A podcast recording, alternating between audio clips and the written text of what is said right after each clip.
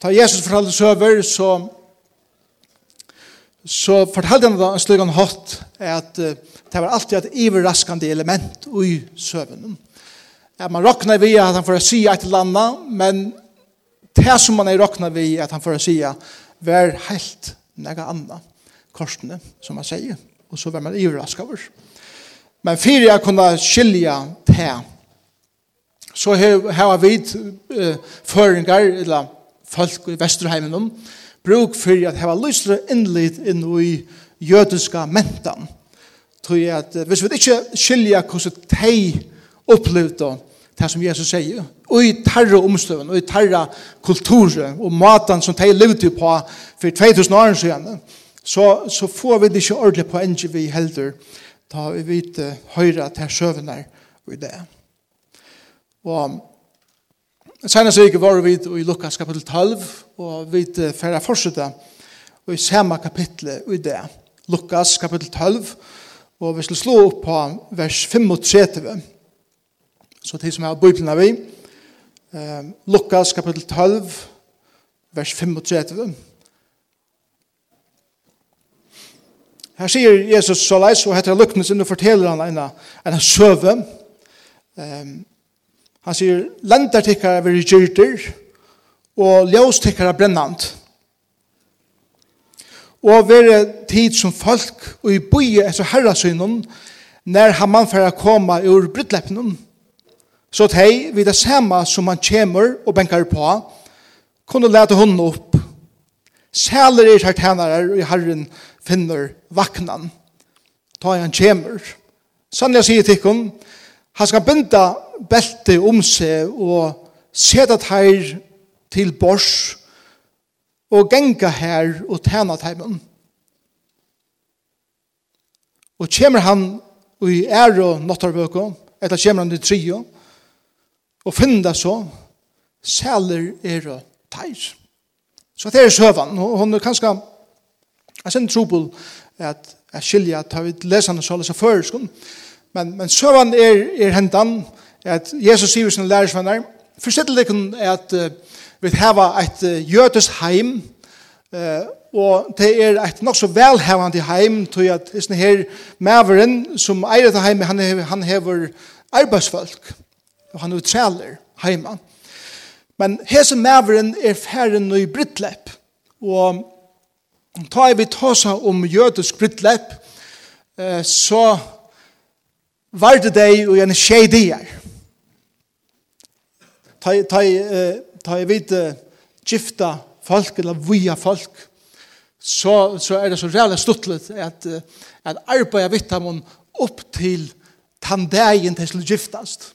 Og så her har vi en sånn lenge lista i alt som skal, skal uh, være på plass til dagen, og, og de bruker ølen jeg at ta seg om hvordan man vuxna for å være, og man er for å rikka, og fjern du hvis vi gløyma et eller annet, og til øyelig stress og pundret her, at, at fer vuxlene være gå nok, og fer varslene være en super varsla. Det er en dag til åkken, og jeg ikke være det skjeidier, for det er veldig, veldig eh, feira av dem. Så ta og vi leser om at Tars tænarne skulle boja inntil hos herren som ratter, så, så tar vi nå om en heila vike, at her eh, gjør klors til herren som ratter, men det er bare ikke når han kommer.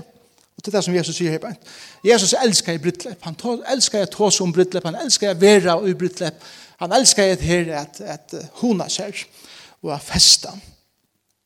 Men fyrir vi skulle skilja at her lukkne seg i røtten sammanhengen, så må vi få noen ting av hitta. Og nummer ett, til det er at det er nok så velhavende familie, som, som det er to som her, som sier Janne. Og det er jo flere eh, folk som er involveret i fire, at gæren til her mannen kan fungere. Så han hakste av rådene, og den jødiske menten, det er Herren, han som er i Brytlepp. Og sammen vi honom, så er det sjåan det konan og bøttene. Til de som eier heime, til de som, som, som, som reger familiene og eisene uh, fyrtøkene. Sjøen høyde det, det eit som de kallar for alidesmannen. Alidesmaveren var en her personeren som syrte fyrir at alt eh, glei vel, alt fattelig hakk. Så det er at eh, fyrtøka og familie og alt fungerer vel sammen. Så er det eh, under hesten her alismannen hadde de arbeidsformen. Og det var eh, menn og kvinner som hadde avbyrd at de imenske områdene om fire at fire kunne, køre vel. Så gjerne hei du betalt folk, altså folk som var betalt, at arbeid av gæren, og, og for at skulle fungere vel, så gjerne høyde de det som de kallet for daglønner folk, og det var folk som kom inn til avvisar oppgaver og finne løn for dagen eller tardianer eh, og de arbeidet av gæren. Allar nyast, og de som høyde minst er tøya, men sikkert som arbeidde mest og brukte mest orskån, var trælene. Trælener Og det var teir som eh, onga lønfinko, teir høyde og lyd jo ikke sian, teir høyde ikke nekan avgjere rett i heimenon. Eh, hvis teir skulle etkvo om et eller annet, så høyde ikke etkvo rett. Teir var å behandleir som halv mennesker og eisne halv dyr på tammadene. Teir gjør det samme arbeidet som annars. Neitene og alt det. Ageren gjør det.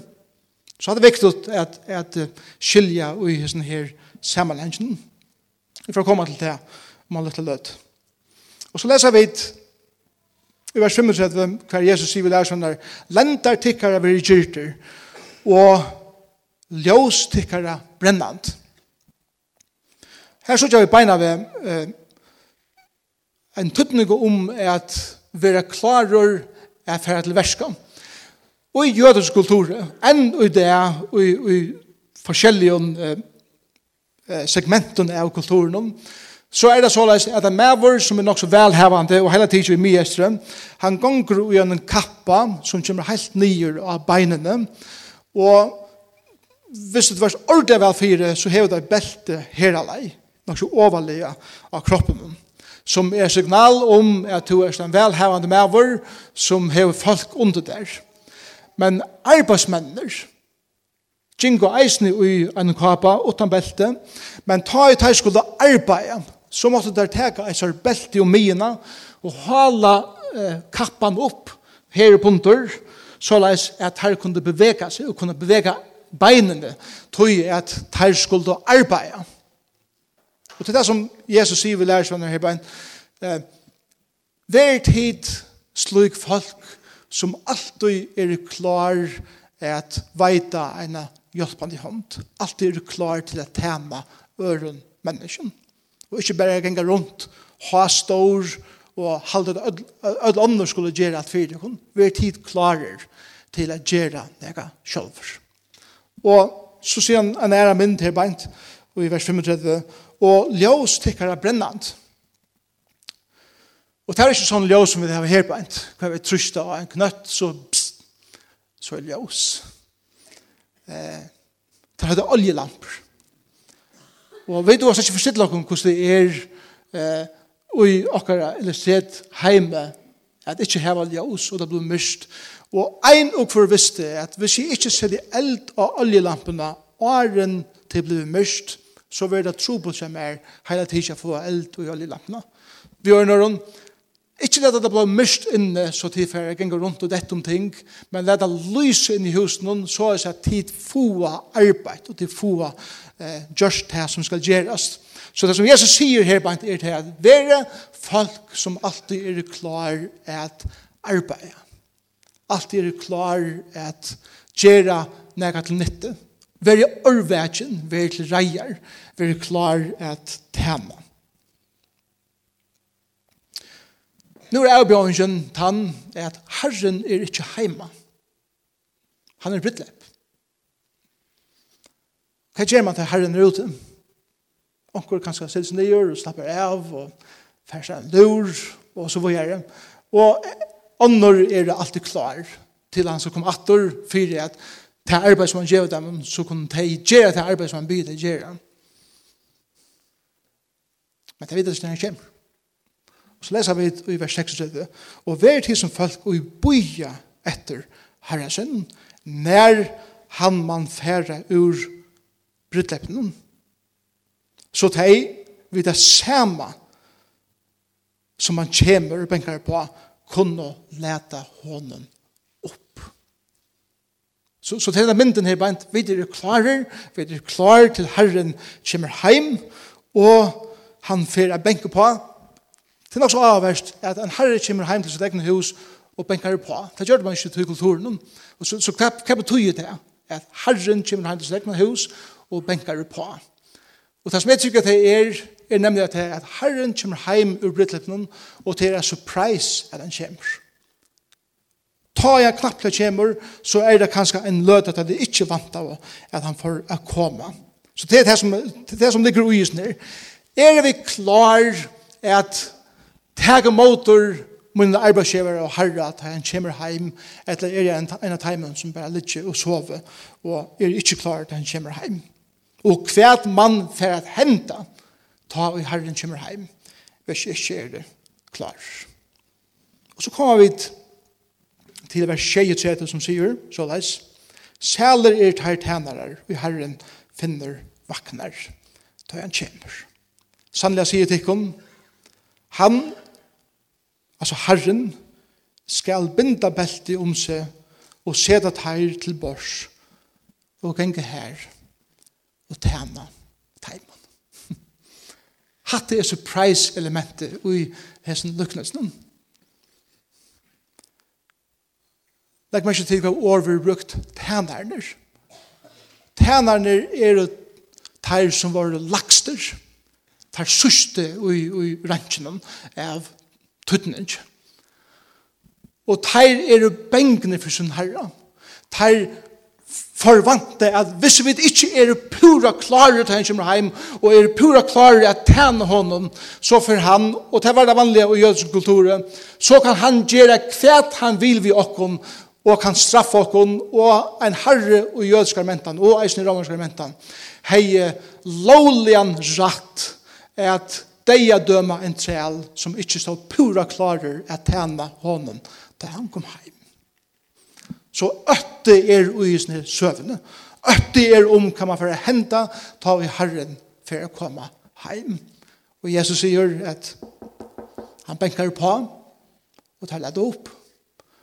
Og herren kommer heim og sånn flott og bryllupsklæven kan ut fra han pintaver og kapen for helt nyer. Og det første som han gjør det han kommer inn er det han bøtje seg nyer og halar sin egna kappe opp og binder om seg og begynner at tjene tjeneren. Wow. Og så gjør han et annet. Det sender seg versen at han han skal binda beltet om seg og seta teir til bors. ønsken treler hei rett er kom til bors til herren. Det var bare herren og familien og hans er tøtninger med gester. Trelene var jo en avdeiling for seg sjølver. Slupper ikke frem et. Og herren sier ikke, kom her. Gjør så vel, se det deg vi møtt bor. Jeg er jo kommet hjem ur Brytlepen, for jeg slipper tema Jeg vet vel at hit er klarer at tjene mer, men jeg vil nå at tid skjøter til kun nyer, så at jeg kan slippe at tjene til kun. Det er fantastisk. Jeg tar meg råkna vi at, at jeg skal være klar at tjene innom, og, og hjelpe en øren, så kommer han inn og sier, jeg skal sette nyer, slappe av, nå er vi kommet her at tjene der. Det er fantastisk. Klem jeg omgang det enn i jól. Det er bænt åren i jól for noen år siden. Det var en, en sånn tøy i løven som er ond hver. Det var nek trusht fra Øtlen Sujon, og det var rettelig strave. Og jeg kvalte så benkar og på dittna sjakon og ond og er fer ut. Jeg har lagt horen opp for hver er vera. Og da vet uh, hitja ut så stender et kår utenfor. Og det var noen folk i lutene, noen tikkene, noen tikkene er jo her i det, som var kommet at utone til er sinja for åkne. Jola sinja. Jeg kan jo ångan i løyvene gløyma til lødene atter. Tøy at vi tar det bruk for å blive signai. Og vi hadde så kjensle av at åh, det er tungt alltid at skulle djeva og djeva og tæna og tæna. Og ofta blir man blinde fyri, alt som man fyrir etter fyri, og så sier god ångte jeg, kjør så vel. Pega motorisen her som en sikning fra mer. Og det hadde bæk okkur løyte, og vi finko, det er fra deg mån, og Og det var som om at vi bare finko et klem fra følge i samkommet. Og det var helt fantastisk for oss. Han sedel der til bors, djevet dem en eta, og ta jeg leser det lukkende, sier beint, så er mine spørninger, ok, han kommer heim fra en brittleppe, han sedel der til bors, og han gjevet heimen at eta. Hva kom eteren fra? Hva kom eteren fra? Det er en spurning som jeg spyr. Og jeg halte at mynden som Jesus eh, røyner og maler for jokken her beint, begynner å teka form nå. Og til heter Jesus er, eller, Herren er i brittleppet, og her er nokka mæte, Og einast han er mitt i brittløpnen, så sier Herren, jeg får heim til mine træler, jeg får heim til mine tænere, og jeg får heim nu at tænat heimen, så at her kunne få en smakk av hesen brittløpnen som nu er jo i, så at jeg kan servere det her for heimen. Og jeg tror at Jesus lærer dere her beint at hesen Herren møvliga tekur med ur brittløpnen. Heim ved ser, fyrir er kunna koma heim til sin sjåls og borraja vi mæte som han sjålver hei heim vi ur brytlepnen fyrir at hese træner kunne få en smakk av gledene som han var ui. Og så er det bare tær pastor av brytlepnen som er snir herren eisende er ui. Og vers 8 sier Vi tar vers skjeit til det først, sæler er her tænare, og i Herren finner vaknar. Og vers 8 til vi endar vi, sæler er teir. Vi ør nøren, ein og kvar som fylgist vi Jesus. Vi tror at Jesus er sjølver en mynd av sin herren, som er en brittlepp som er mynd av himmelen, kom til gjerrer, og hei himmelske gaver vi til å servere for dere. Sæler er stu, sikna er stu. Bæje, byrjan av vers 36 og endene av vers 38, tega det her saman, at du er signaver vi er en pastor av å slippe at tjena Jesusen til ein og kvar som er til reier og har hjärsta fyrir at tjene Jesus for at oppdega til atter og atter at to første for at tanter sjolver eller sjølv Kjenner ditt søvende gamle som heter om Mephiboset Mephiboset var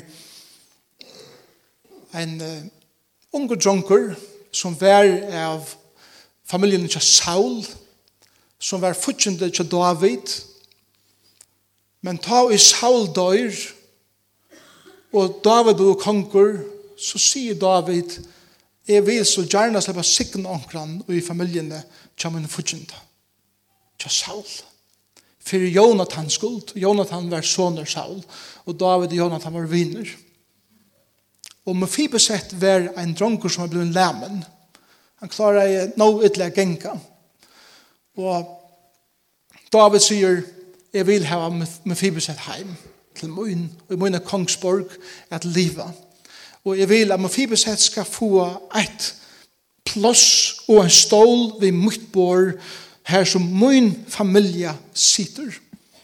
Og så det kom til nåttra okkurskvalde, og så er alle disse vel fire sinne som David kommer til Bors, og David sitter her, og familien sitter her, og så er det tømt plås her beint. Men det høyre at en kommer haltande eh, om han til gangene til at han gonger ikke lykka kjøtt som hinne. Men det sitter boje inntil med fibersett kommer. Jeg ser det seg til Bors, så er det at hesen dronkeren som ikke er oppe på bordet sida til bors, kunne njóta allan ta meten som David og hans familie kunne njóta. Og til en mynd er hos her, at vi okkar bor er alltid plass for eina træt, og vi okkar bor er alltid plass for einan som kanskje føler seg som en outsider. Jeg er oppvoksen i Kvalpa. Og i husen til åkken kvalpa. Jeg det alltid vært så leis. Jeg vil gjøre nok av mæte. Så er det oppvoksen. Det skal alltid være nok til. Det skal alltid være åpen for folk å kunne komme inn. Og ein og for hjertelig velkommen. Og tog er det alltid, og har alltid vært fullt hus til åkken i kvalpa. Og da jeg leser uh, hese versene, så minner det meg alltid om det. At tjokken okkon er einog for velkommen. Og det er en utrolig stersk mynd av hvordan sankommer eier vi reisende. Jeg vet at jeg vi folk som fer ut og er til reier at bjóa øren til bors herbeint. At einog for kan kjenne seg vel og føle seg vel. Jesus demonstrerer i hette sjolver, jeg syndes hettene. Jesus sier at hessen herren, han bant opp fyrisen, og han får at tæna synen eh, trælen, og gav ham en eta. Hva gjør det Jesus, til for det, han var handtidgen, Sørste inn, og i Johannes kapitel 13, og i Lukas 22, her eh, kommer Jesus inn i dette rommet i erva, her som lærersvannerne kommer sammen, og eh, her er uh, vel dekka bor, vel byggve bor. Jesus binder opp fire seg, og fer etter en uh, fætig av vattnet, og han fer av vaska lærersvannerne om føttene.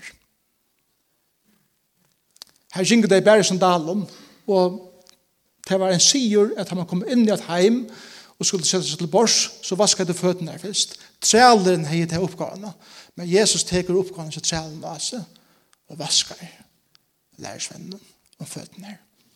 Og han sier i Lukas 22 at jeg har hjertelig, eller mer hjertelige langst etter jeg sier det sammen til henne, og etter samme alltid sammen med henne. Og dette er det hjertelige som Jesus viser og Jesus lykkende som han hever fire okken som mennesker. Vi er alltid vært til reier at henne honom, men vi dub det at henne alt som er alt, så er det han som som oftast tæner oss.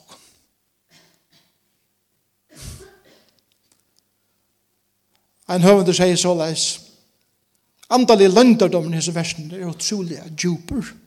Personeren som er orvætjen eller til reier, trakkar inn i et øtje og en andalig tilvære som kommer i fotlom mål til at han er nå sammen vi herresøyne. Og dette stedet her træler, ikke langer er træler, men er blevet en personer i karlaga og i dørt vi synen herre. Hette steg her teg som er elsket, sida til bors, tjå hånden som elskar teg. Hette steg her mastaren er uiladen sunna dørt og sida nyrre og tæner teimen og føyer teg ved sin egna breie og ved sin egna vinne. Og hadde oppfyllelse av en lyfte og en sottmåla som frelseren tog altså seg da han sier, jeg skal ikke atter et og drekke dette fyrren, det var fullkomme, og i munnen ryk. Hette steget, her han lotar vi okkon sina glede og sina durt. Hette steget her frelseren gjever i rykum male, og Vi stårar glede teimen som er urvægen og klar at tjene. Og som heimen er avvust. Han kommer til tarra, torskar tarren av kinnen tarra, og let det smakka karlæka søgn, og oppmuntran til håndsøgna, så at hei og innan løte kunne få en latta fra løyngnen som de annars ganger jøknen og i hesen heime. Og det er det som heter Luknes lærokken. Lukkvis lærer oss om en herre som kom av himmelen at tjene tære mer. Og djeva ter sitt beste av tog som han kan bjåa ter. Og til seg sjåva. Og hva lærer det til okken som sankoman?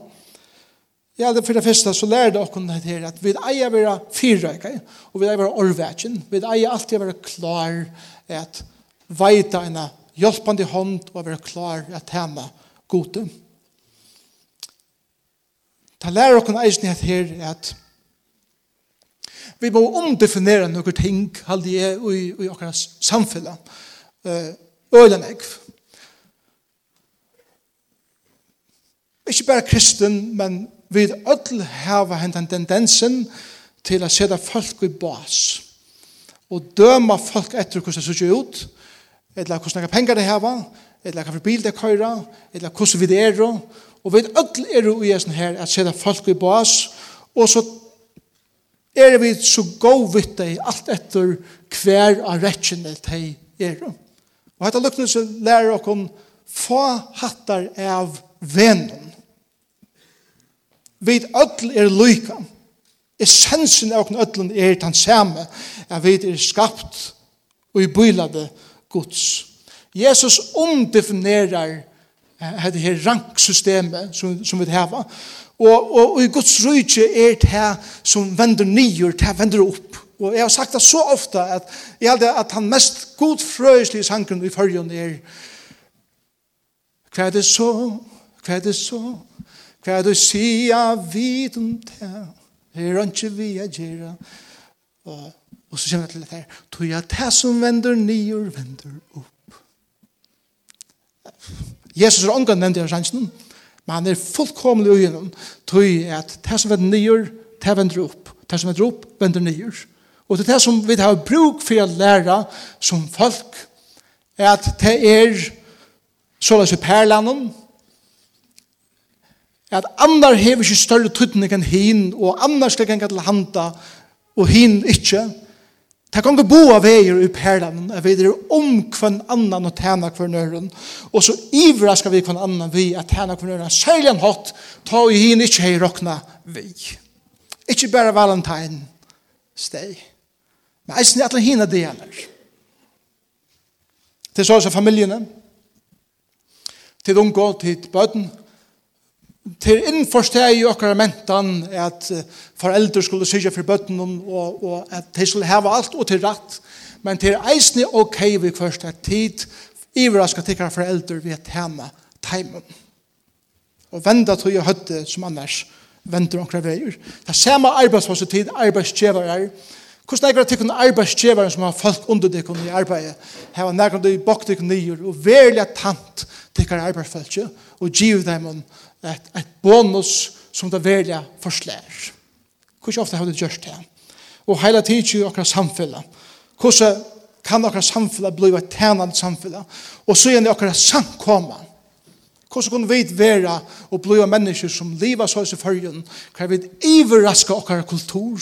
kan vi iverraska okkara samfunnet vi er vera så i gjerningsstenen her som vi kommer at folk som vi kommer i samband vi er å iverraska i av at det som de ikke er vant til, at det er fortjent. Få av deg servera fra okken til at okkara mestere gjør det det samme. Så det er alt som til alt. Hever til øyne vi identitet er gjerne. Til minna sammanhenge i sånne her uh, lukkelsen. Lukkelse er forbundet til det som tar seg om sørste sundag, at en person som bare vil ha mer og mer og legge mer og mer under seg, er en dag. Jesus sier, jeg skal syrja for øtlån til grunnleggen til tunn løyve. Og identiteten i Jesus, hver er i jeg som en personer? Og at han lukkner seg lærer okkon, at vi eier blod av folk som hese, at er en personer som ikke pjøvest av å være bunden av rusen som er i akkurat samfunnet, at skulle heva meir og meir, og jeg blir som en, en, en, en person som er avhengig av anker, som jeg må, må bare heva meir og meir, tøy at jeg pjøst, jeg kan lyde av at ens og god tega seg av fuklen himmelsens og leter liljene av marsjene ui, så skal han leisne grunnleggjande syrja fire mer. Men hetta lukknes lærer hun meir enn det ta lærer oss etter at det slipper jeg eisen å att at min mestere, min herre, er kommen til min trælen at tjene mer og at djeva mer et status vi sutt bor. Hver han borra i fyr mer. Og det er for jeg og to kunne være i Kristus. Og dette er det som er forsmakker på det som er kommande for fremman tjokk. Og du vil si så leis. Er så en god leier, er så en god herre, så er du en herre som gjør ditt arbeid til lyder og leier vel. Men du leier på en sånn måte at du ikke alle både fram i jøkkenen, men du leier øren fra vi og vitt her vi har tjena dem. Og tega det vi på samme støye, så som vi ødel kunne få hettar. Jeg vet det er ødel særstøk. Og vi er ødel særstøk for Jesus som døg av krossen for jokken og gav sitt liv for det og for meg. Takk Jesus for det. Det er lukknelse som er om til. Takk for det at du komst ur himmelen og to kom så til nok.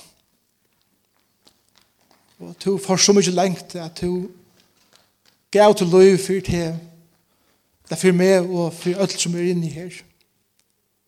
Og jeg takker for at til det som det betyr å være en herre, til det som det betyr å være en leiere, til det som det betyr at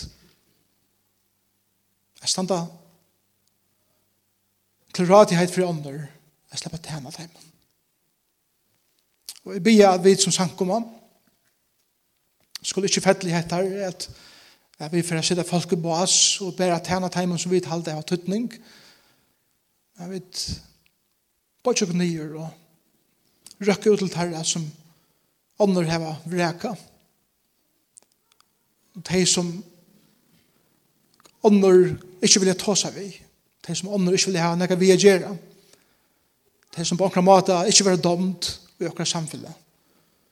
Lukka mykje om det er, hver det er, og hva det er gjørst, så bygge om at vi som samkomma, at vi som folk, skulle ikke gjøre handamonen, men at vi omfevne ein og kvann, og elska tredalest, og er om mennesker, som kanskje på nekka måte føler seg som et bortstukast, og som har mist sitt sjålsvyre, og og har mist egene av hvordan dyrer bør til er. Jeg vet vi til at vise dem nå at det er mennesker som er skapt og bydde det gods som er høyt elsket og som har omedelig størst vire for åkken og for god. Prøys er vi ditt navn. Amen.